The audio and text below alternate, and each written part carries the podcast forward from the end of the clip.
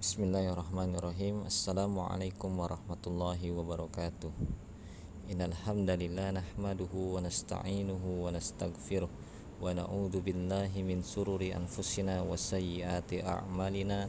May yahdihillahu fala mudhillalah wa may yudlil fala hadiyalah Ashhadu an la ilaha illallah wahdahu la syarikalah wa ashhadu anna Muhammadan abduhu wa rasuluh. Allahumma shalli ala Muhammad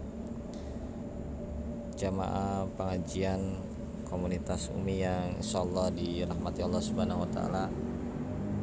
Insyaallah pada kesempatan kali ini kita akan coba membahas satu tema yang sudah disebutkan ya di dalam flyer yang sudah disebarkan yaitu uh, bolehkah perempuan tidak bekerja sebelum masuk ke dalam tema uh, saya ingin membacakan beberapa ayat Al-Quran yang insya Allah terkait dan akan menjadi patokan ya serta membimbing kita dalam pembahasan ini. Yang mudah-mudahan dengan ayat-ayat tersebut dan dengan beberapa pemahaman yang bisa digali kita bisa mendapatkan pencerahan ya, sekaligus juga menjadi solusi dalam kehidupan kita sehari-hari.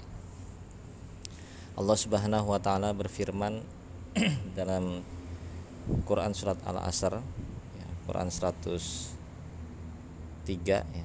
A'udzu billahi minasyaitonir rajim wal 'asr innal insana lafi khusr illal ladina amanu wa amilus solihati wa tawassaw bil haqq wa tawassaw bis sabr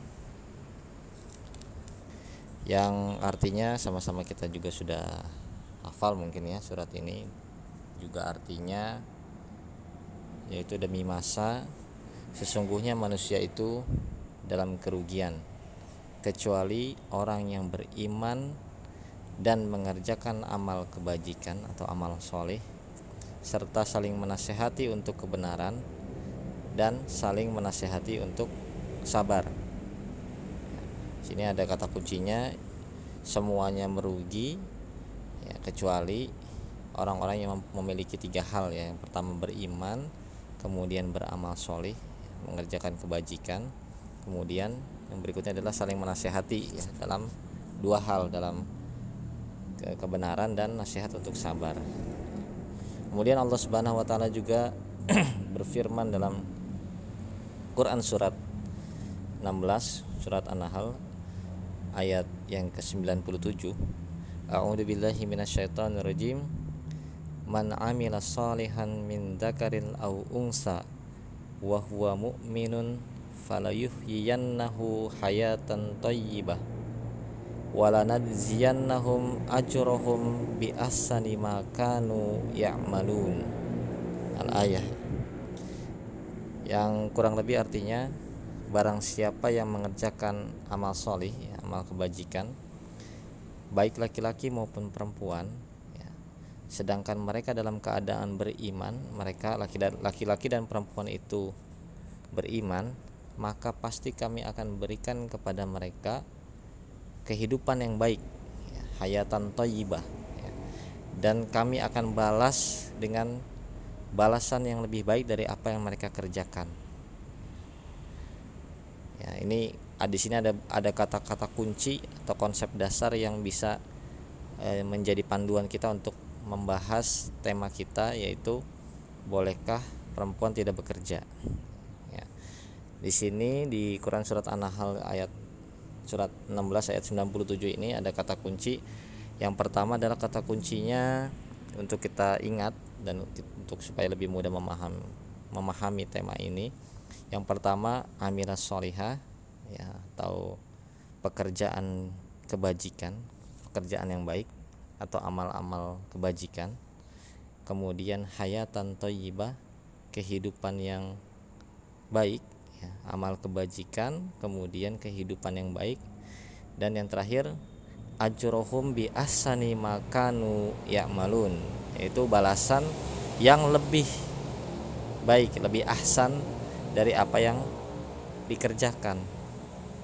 Ya, jadi di sini ada pekerjaan yang solih ya, akan mendapatkan atau pasti akan diberikan oleh Allah Subhanahu wa taala kehidupan yang toyibah dan balasan yang lebih ahsan ya, lebih baik lagi dari apa yang dikerjakan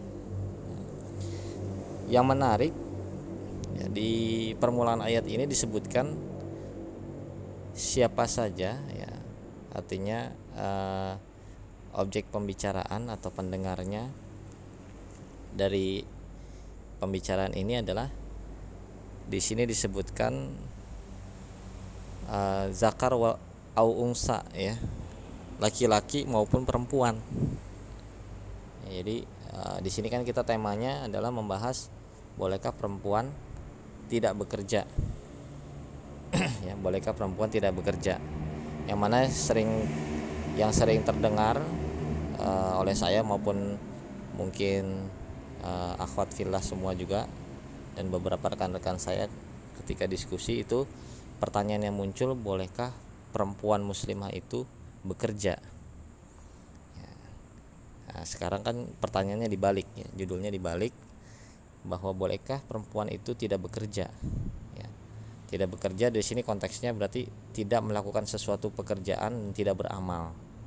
Ya karena pekerjaannya nanti kita akan membahas pekerjaan Insyaallah nanti setelah beberapa pemaparan ayat ini kita akan bahas konsep kerjanya secara lebih terperinci dan nanti di akhirnya kita akan tutup dengan kaitan antara konsep pekerjaan yang dilakukan oleh perempuan dengan grand teori yang seperti biasa uh, selalu kita ulang-ulangi dalam kajian ini yaitu grand teori tentang pengasuhan ya. Jadi sekali lagi uh, di sini ada ayat yang menjelaskan bahwa siapa saja yang mengerjakan sebuah pekerjaan kebajikan baik itu laki-laki maupun perempuan yang sementara mereka itu beriman ya berarti laki-laki mukmin dan perempuan mukminah maka pasti akan kami berikan kepadanya hayatan toibah kehidupan yang toibah yang baik. Dan akan kami berikan ganjaran atau balasan yang lebih baik ya bi makanu yamalun dari apa yang telah dikerjakan. Jadi lebih ya dapatannya dari uh, sekedar kita mendapatkan apa yang kita kerjakan ya. kama tadi nutudan kata patah bahasa Arab e, siapa yang mengerjakan maka dia akan mendapatkannya. Tapi ternyata di sini ditekankan dapatnya itu lebih ya. Bi ahsani lebih lebih baik lagi dari dari yang harusnya didapatkan tapi ternyata lebih lebih lagi ya. Nah, kita perkuat lagi ayat ini dengan uh, ayat yang sebenarnya ayat ini yang paling pamungkas yang pertama kali menyadarkan saya tentang pentingnya tema ini ya dalam Quran surat At-Taubah ayat 105 Allah Subhanahu wa taala berfirman a'udzubillahi minasyaitonirrajim. Wa qul i'malu fasayarallahu 'amalakum wa rasuluhu wal mu'minun. Wa saturadduna ila 'alimin ghaibi wasyahadah fayunabbi'ukum bima kuntum ta'malun. Dan katakanlah bekerjalah kamu maka Allah akan melihat pekerjaanmu. Begitu juga Rasul Rasulnya dan orang-orang mukmin. Dan kamu akan dikembalikan kepada Allah yang yang mengetahui yang gaib dan yang nyata. Lalu diberitakannya kepada kamu apa yang telah kamu kerjakan. Artinya dikabarkan atau dilihat hasil hasil pekerjaannya. Ya Quran surat At-Taubah ayat 105 ya surat 9 ayat 105 di sini kalau ingat ayat ini atau ketika saya terngiang-ngiang kita harus bekerja dan bekerja itu hasil pekerjaan kita pertama pekerjaan kita di diniatkan didedikasikan kepada Allah. Dan kita meyakini bahwa Allah melihat pekerjaan kita Rasulnya melihat pekerjaan atau hasil pekerjaan kita orang-orang beriman juga akan melihat hasil dari pekerjaan kita. Tentunya kita tidak akan mau berdiam diri ya berleha-leha bermalas-malasan atau tidak mau bekerja. Ya. apakah ini e, semua tema atau pembahasan ini e, hanya dikhususkan untuk laki-laki? Atau pekerjaan-pekerjaan perintah bekerja hanya untuk laki-laki? Ya, ternyata tidak. Bahkan disebutkan di ayat yang tadi yang sudah kita bacakan sebelumnya ada disebut laki-laki dan perempuan ternyata. Ya jadi kewajiban bekerja ini adalah kewajiban bagi seluruh seluruh jenis manusia ya. Manusia yang hidup maka dia harus bekerja ya untuk memenuhi kebutuhan hidupnya untuk beramal solih untuk berbuat kebajikan ya untuk memperbaiki lingkungan. Itu kewajiban itu ada di pundak setiap insan ya, setiap manusia baik itu dari jenis laki-laki maupun dari jenis perempuan. Nah dari paling tidak tiga ayat eh tiga tiga bukan tiga ayat ya. Yang satu surat al asr terdiri dari tiga ayat. Kemudian Quran an, surat An-Nahl ayat 97 dan At-Taubah ayat 105 ya, dari tiga ayat tiga dalil tersebut sudah dapat disimpulkan bahwa uh, kesimpulan sementaranya bisa kita katakan bahwa siapa saja yang tidak ingin merugi ya kata surat Al-Asr kan merugi orang yang tidak beramal soleh itu. Siapa saja yang tidak ingin merugi kemudian tidak ingin uh, bukan tidak ingin di surat An-Nahl siapa saja yang ingin mendapatkan hayatan toyibah dan ajru bi ahsani amala ya, dengan mendapatkan balasan yang baik ya, dapat kehidupan hayatan toyibah kemudian siapa saja juga yang meyakini bahwa hasil pekerjaannya dilihat oleh Allah dan Rasulnya serta orang beriman maka tentu ya mereka akan bekerja. Ya, mereka akan beramal. Nah di sini mungkin ada sebagian yang uh, mempertanyakan oh itu kan amal soleh ya bukan pekerjaan yang dimaksud atau yang biasa disebutkan. Nah justru justru di sini harus ditekankan ya sebelum kita kembali ke dalam tema tentang jin, apa pekerjaan perempuan uh, justru di sini harus uh, kita tegaskan bahwa yang pertama adalah kewajiban beramal amal dalam bahasa Indonesia itu pekerjaan ya. Itu untuk semua semua manusia ya. Khususnya yang beriman ya laki-laki maupun perempuan. Kenapa ini harus ditekankan? Karena e, sebagian besar dari kita saat ini itu terpengaruh konsep kerja yang ada dalam konsep ekonomi barat ya.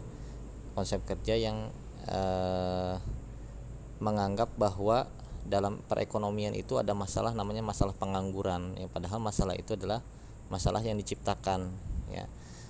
Mungkin di anggota grup ini ada yang mahasiswi atau mahasiswa saya ya dulu e, di kuliah ekonomi makro ya tentang penjelasan konsep ketenaga kerjaan ya. Saya beberapa di beberapa tempat menjelaskan bahwa sebetulnya kalau kita kembali pada ekonomi yang asal ya sebagian ekonom menyebutnya ini ekonomi klasik ya. Atau kita sebut aja uh, ekonomi tradisional lah zaman dulu. Itu ketika belum ada pekerjaan yang disebut pekerjaan formal atau pekerjaan itu belum diformalisasikan ya dalam bentuk uh, perkantoran, pabrik dan lain sebagainya yang yang mana itu terjadi setelah uh, revolusi industri maka yang terjadi pada diri manusia atau aktivitas kehidupan manusia itu terhadap konsep kerja itu hanya ada tiga ya. Kalau sekarang kan ada orang bekerja ada orang menganggur ya. Kalau yang dulu yang asalnya adalah hanya ada tiga itu orang pertama orang yang akan melakukan pekerjaan. Yang kedua orang yang sedang bekerja orang eh, yang ketiga adalah orang yang telah melakukan pekerjaan dan akan melakukan pekerjaan yang berikutnya lagi atau menunggu pekerjaan yang berikutnya. Nah, kalau di, dikembalikan ke sini maka tidak boleh ada orang yang menganggur. Menganggur berarti di sini leha-leha, santai-santai eh, yang mana sebetulnya ada pekerjaannya tapi dia tidak mau mengerjakan, ya bermalas-malasan dan uh, itu menjadi masalah tentu saja dalam dalam kehidupan sosial. Ada orang yang malas tidak melakukan suatu aktivitas. Kalau dalam ekonomi itu ada aktivitas produksi distribusi dan konsumsi. Nah aktivitas ini uh, harus dilakukan oleh manusia.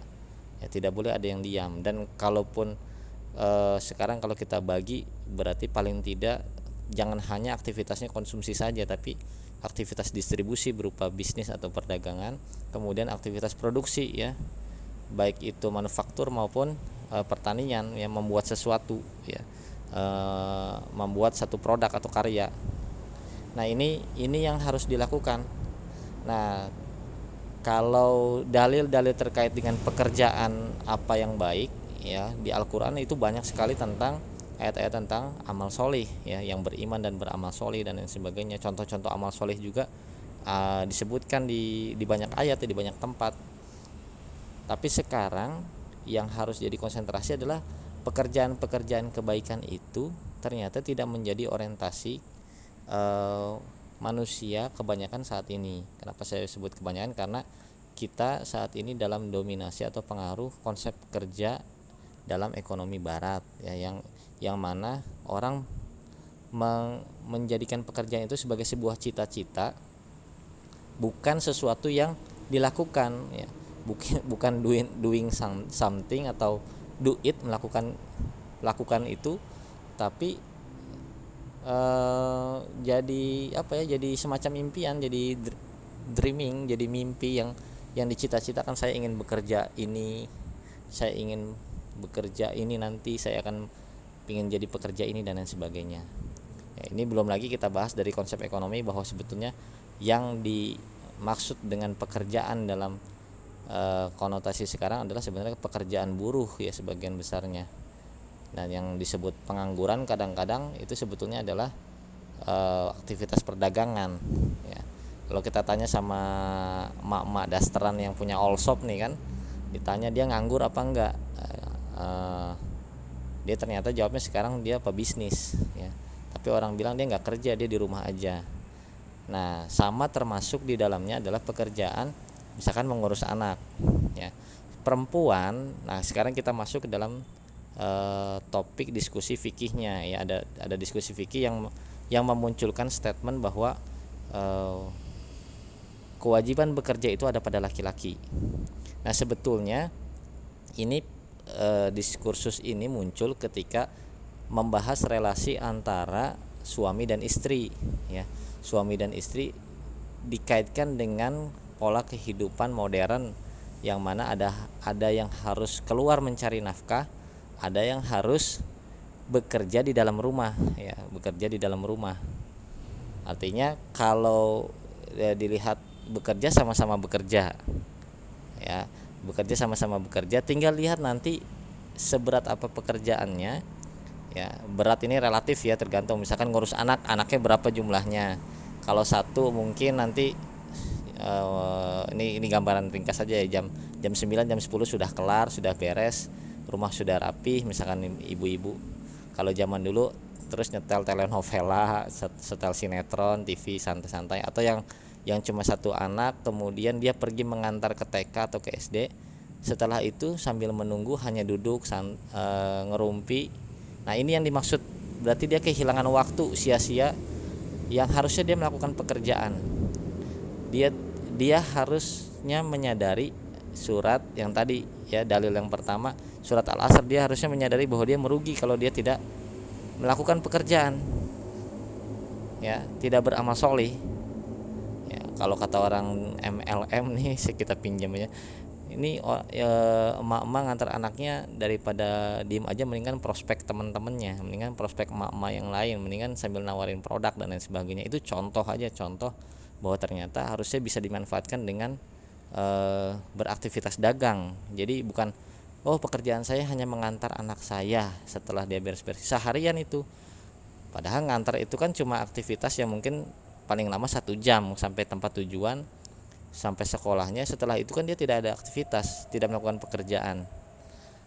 Nah, ini yang yang yang disebut kalau boleh disebut nganggur ini ya yang setelah menyelesaikan pekerjaan harusnya dia kan e, mengerjakan pekerjaan berikutnya ya di e, di ajaran Islam kan begitu. Kalau kita setelah selesai dari melakukan satu pekerjaan kita harus langsung mengerjakan pekerjaan berikutnya. Apalagi ternyata kalau kita memahami ya ada ungkapan dari para ulama kewajiban yang ada yang ada di pundak kita yang dibebankan pada kita ternyata lebih banyak daripada waktu yang tersedia.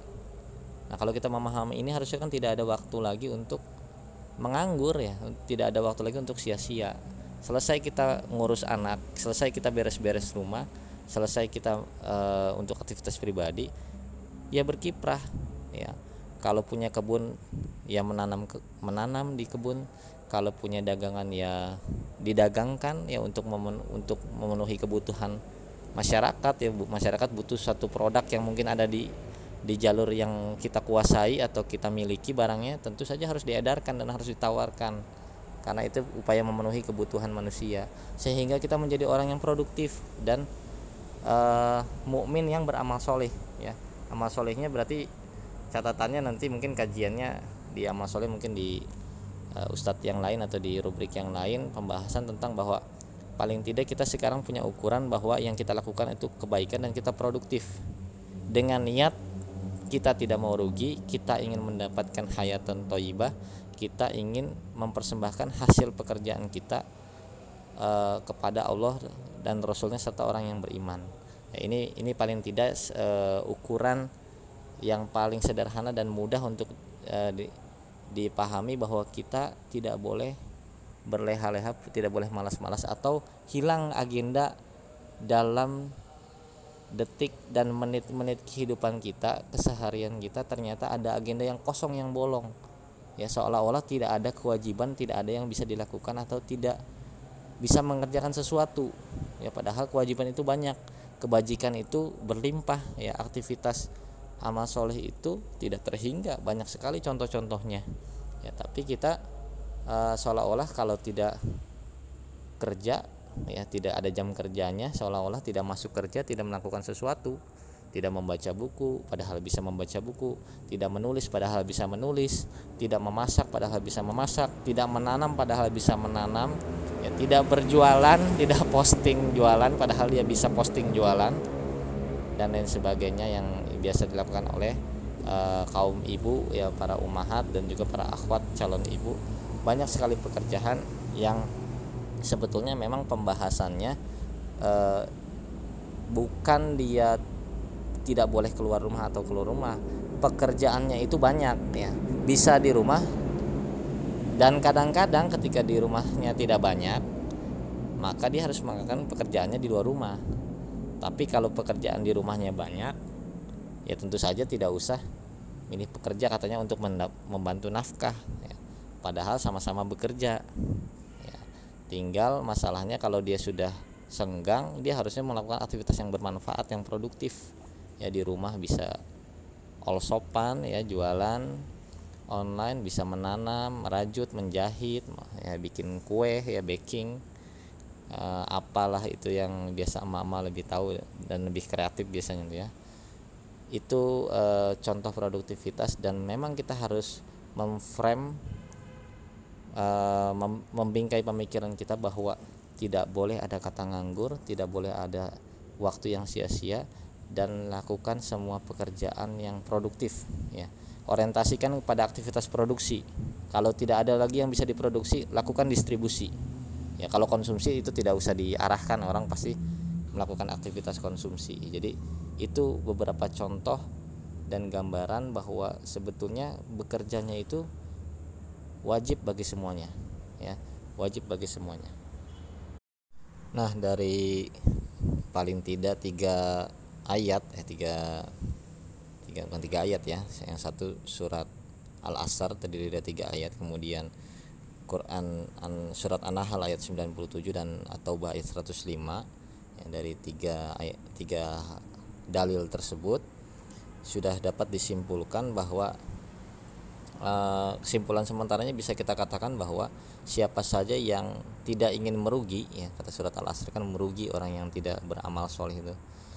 Siapa saja yang tidak ingin merugi kemudian tidak ingin uh, bukan tidak ingin di surat an-nahl siapa saja yang ingin mendapatkan hayatan thayyibah dan ajru bi ahsani amala ya, dengan mendapatkan balasan yang baik ya dapat kehidupan hayatan thayyibah.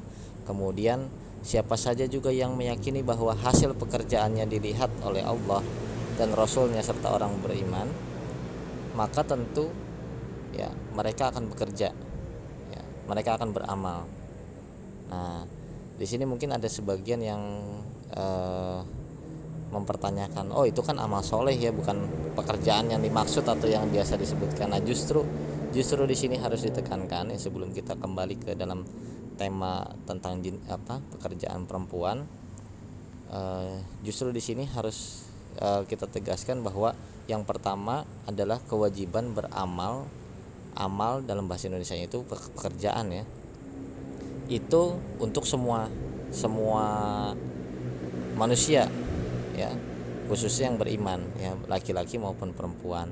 Kenapa ini harus ditekankan? Karena e, sebagian besar dari kita saat ini itu terpengaruh konsep kerja yang ada dalam konsep ekonomi barat ya. Konsep kerja yang e, menganggap bahwa dalam perekonomian itu ada masalah namanya masalah pengangguran ya. Padahal masalah itu adalah masalah yang diciptakan ya. Mungkin di anggota grup ini ada yang mahasiswi atau mahasiswa saya ya dulu e, di kuliah ekonomi makro ya tentang penjelasan konsep ketenaga kerjaan ya. Saya beberapa di beberapa tempat menjelaskan bahwa sebetulnya kalau kita kembali pada ekonomi yang asal ya sebagian ekonom menyebutnya ini ekonomi klasik ya. Atau kita sebut aja uh, ekonomi tradisional lah zaman dulu. Itu ketika belum ada pekerjaan yang disebut pekerjaan formal atau pekerjaan itu belum diformalisasikan ya dalam bentuk uh, perkantoran, pabrik dan lain sebagainya yang yang mana itu terjadi setelah uh, revolusi industri maka yang terjadi pada diri manusia atau aktivitas kehidupan manusia itu terhadap konsep kerja itu hanya ada tiga ya. Kalau sekarang kan ada orang bekerja ada orang menganggur ya. Kalau yang dulu yang asalnya adalah hanya ada tiga itu orang pertama orang yang akan melakukan pekerjaan. Yang kedua orang yang sedang bekerja orang eh, yang ketiga adalah orang yang telah melakukan pekerjaan dan akan melakukan pekerjaan yang berikutnya lagi atau menunggu pekerjaan yang berikutnya. Nah, kalau di, dikembalikan ke sini maka tidak boleh ada orang yang menganggur. Menganggur berarti di sini leha-leha, santai-santai eh, yang mana sebetulnya ada pekerjaannya tapi dia tidak mau mengerjakan, ya bermalas-malasan dan Uh, itu menjadi masalah tentu saja dalam dalam kehidupan sosial. Ada orang yang malas tidak melakukan suatu aktivitas.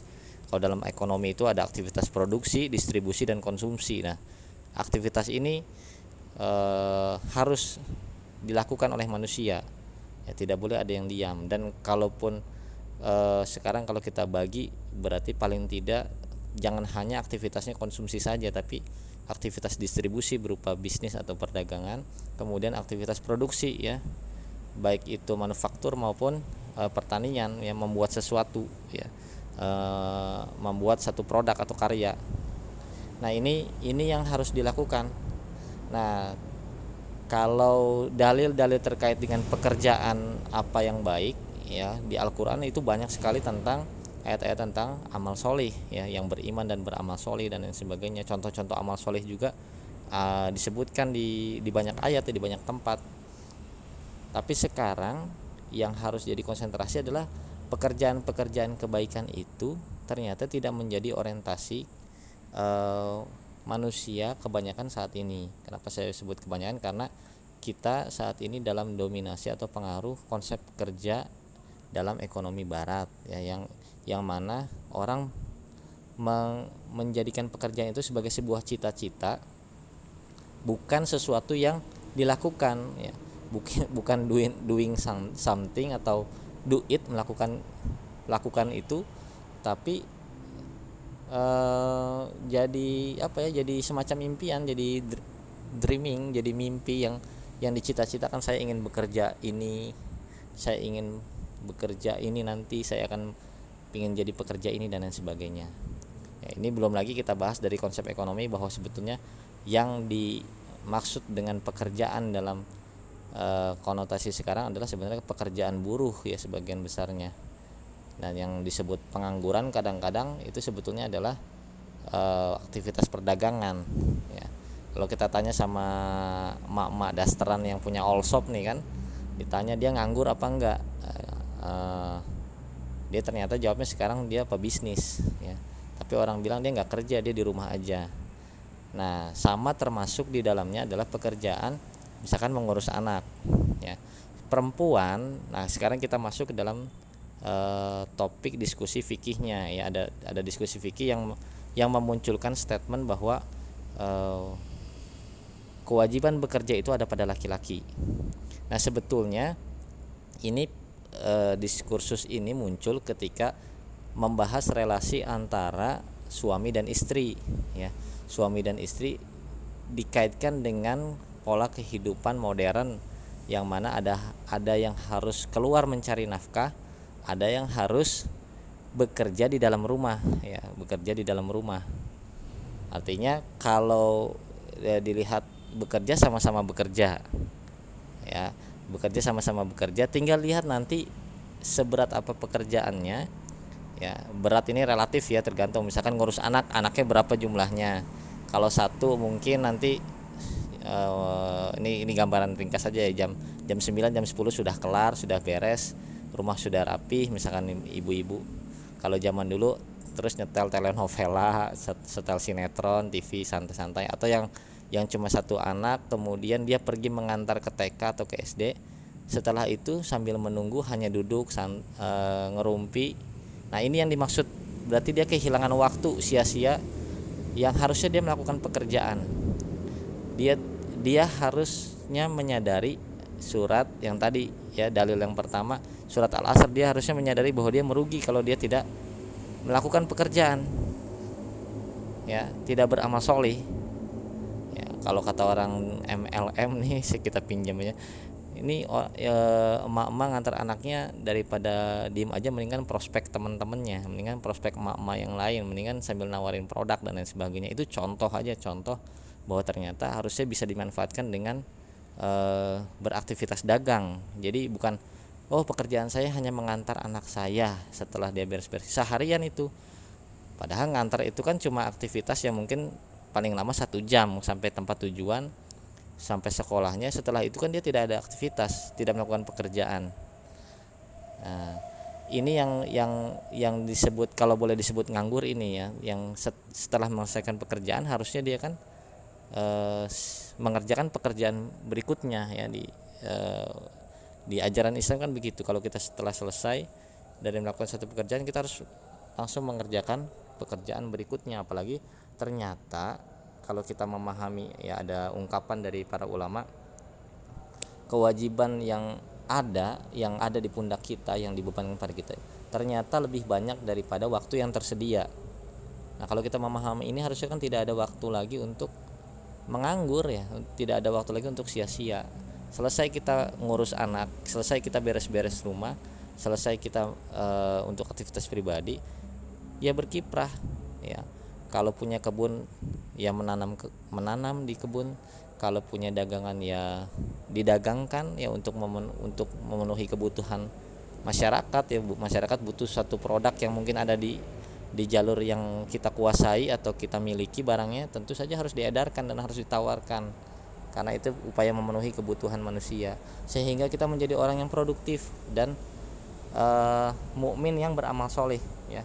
Amal solehnya berarti catatannya nanti mungkin kajiannya di amal mungkin di uh, ustadz yang lain atau di rubrik yang lain pembahasan tentang bahwa paling tidak kita sekarang punya ukuran bahwa yang kita lakukan itu kebaikan dan kita produktif. Dengan niat kita tidak mau rugi kita ingin mendapatkan hayatan toyibah kita ingin mempersembahkan hasil pekerjaan kita uh, kepada Allah dan Rasulnya serta orang yang beriman. Ya, ini ini paling tidak uh, ukuran yang paling sederhana dan mudah untuk e, di, dipahami bahwa kita tidak boleh berleha-leha, tidak boleh malas-malas atau hilang agenda dalam detik dan menit-menit kehidupan kita, keseharian kita ternyata ada agenda yang kosong yang bolong. Ya seolah-olah tidak ada kewajiban, tidak ada yang bisa dilakukan atau tidak bisa mengerjakan sesuatu. Ya padahal kewajiban itu banyak, kebajikan itu berlimpah ya aktivitas amal soleh itu tidak terhingga banyak sekali contoh-contohnya. Ya tapi kita uh, seolah-olah kalau tidak kerja ya tidak ada jam kerjanya seolah-olah tidak masuk kerja tidak melakukan sesuatu tidak membaca buku padahal bisa membaca buku tidak menulis padahal bisa menulis tidak memasak padahal bisa memasak tidak menanam padahal bisa menanam ya tidak berjualan tidak posting jualan padahal dia bisa posting jualan dan lain sebagainya yang biasa dilakukan oleh uh, kaum ibu ya para umahat dan juga para akhwat calon ibu. Banyak sekali pekerjaan yang sebetulnya memang pembahasannya uh, bukan dia tidak boleh keluar rumah atau keluar rumah. Pekerjaannya itu banyak ya. Bisa di rumah dan kadang-kadang ketika di rumahnya tidak banyak maka dia harus melakukan pekerjaannya di luar rumah. Tapi kalau pekerjaan di rumahnya banyak ya tentu saja tidak usah. Ini pekerja katanya untuk membantu nafkah ya. padahal sama-sama bekerja ya. tinggal masalahnya kalau dia sudah senggang dia harusnya melakukan aktivitas yang bermanfaat yang produktif. Ya di rumah bisa all sopan ya jualan. Online bisa menanam merajut menjahit ya bikin kue ya baking. Uh, apalah itu yang biasa mama lebih tahu dan lebih kreatif biasanya ya itu uh, contoh produktivitas dan memang kita harus memframe uh, mem membingkai pemikiran kita bahwa tidak boleh ada kata nganggur tidak boleh ada waktu yang sia-sia dan lakukan semua pekerjaan yang produktif ya. Orientasikan pada aktivitas produksi. Kalau tidak ada lagi yang bisa diproduksi lakukan distribusi. Ya kalau konsumsi itu tidak usah diarahkan orang pasti melakukan aktivitas konsumsi. Jadi itu beberapa contoh dan gambaran bahwa sebetulnya bekerjanya itu wajib bagi semuanya ya. Wajib bagi semuanya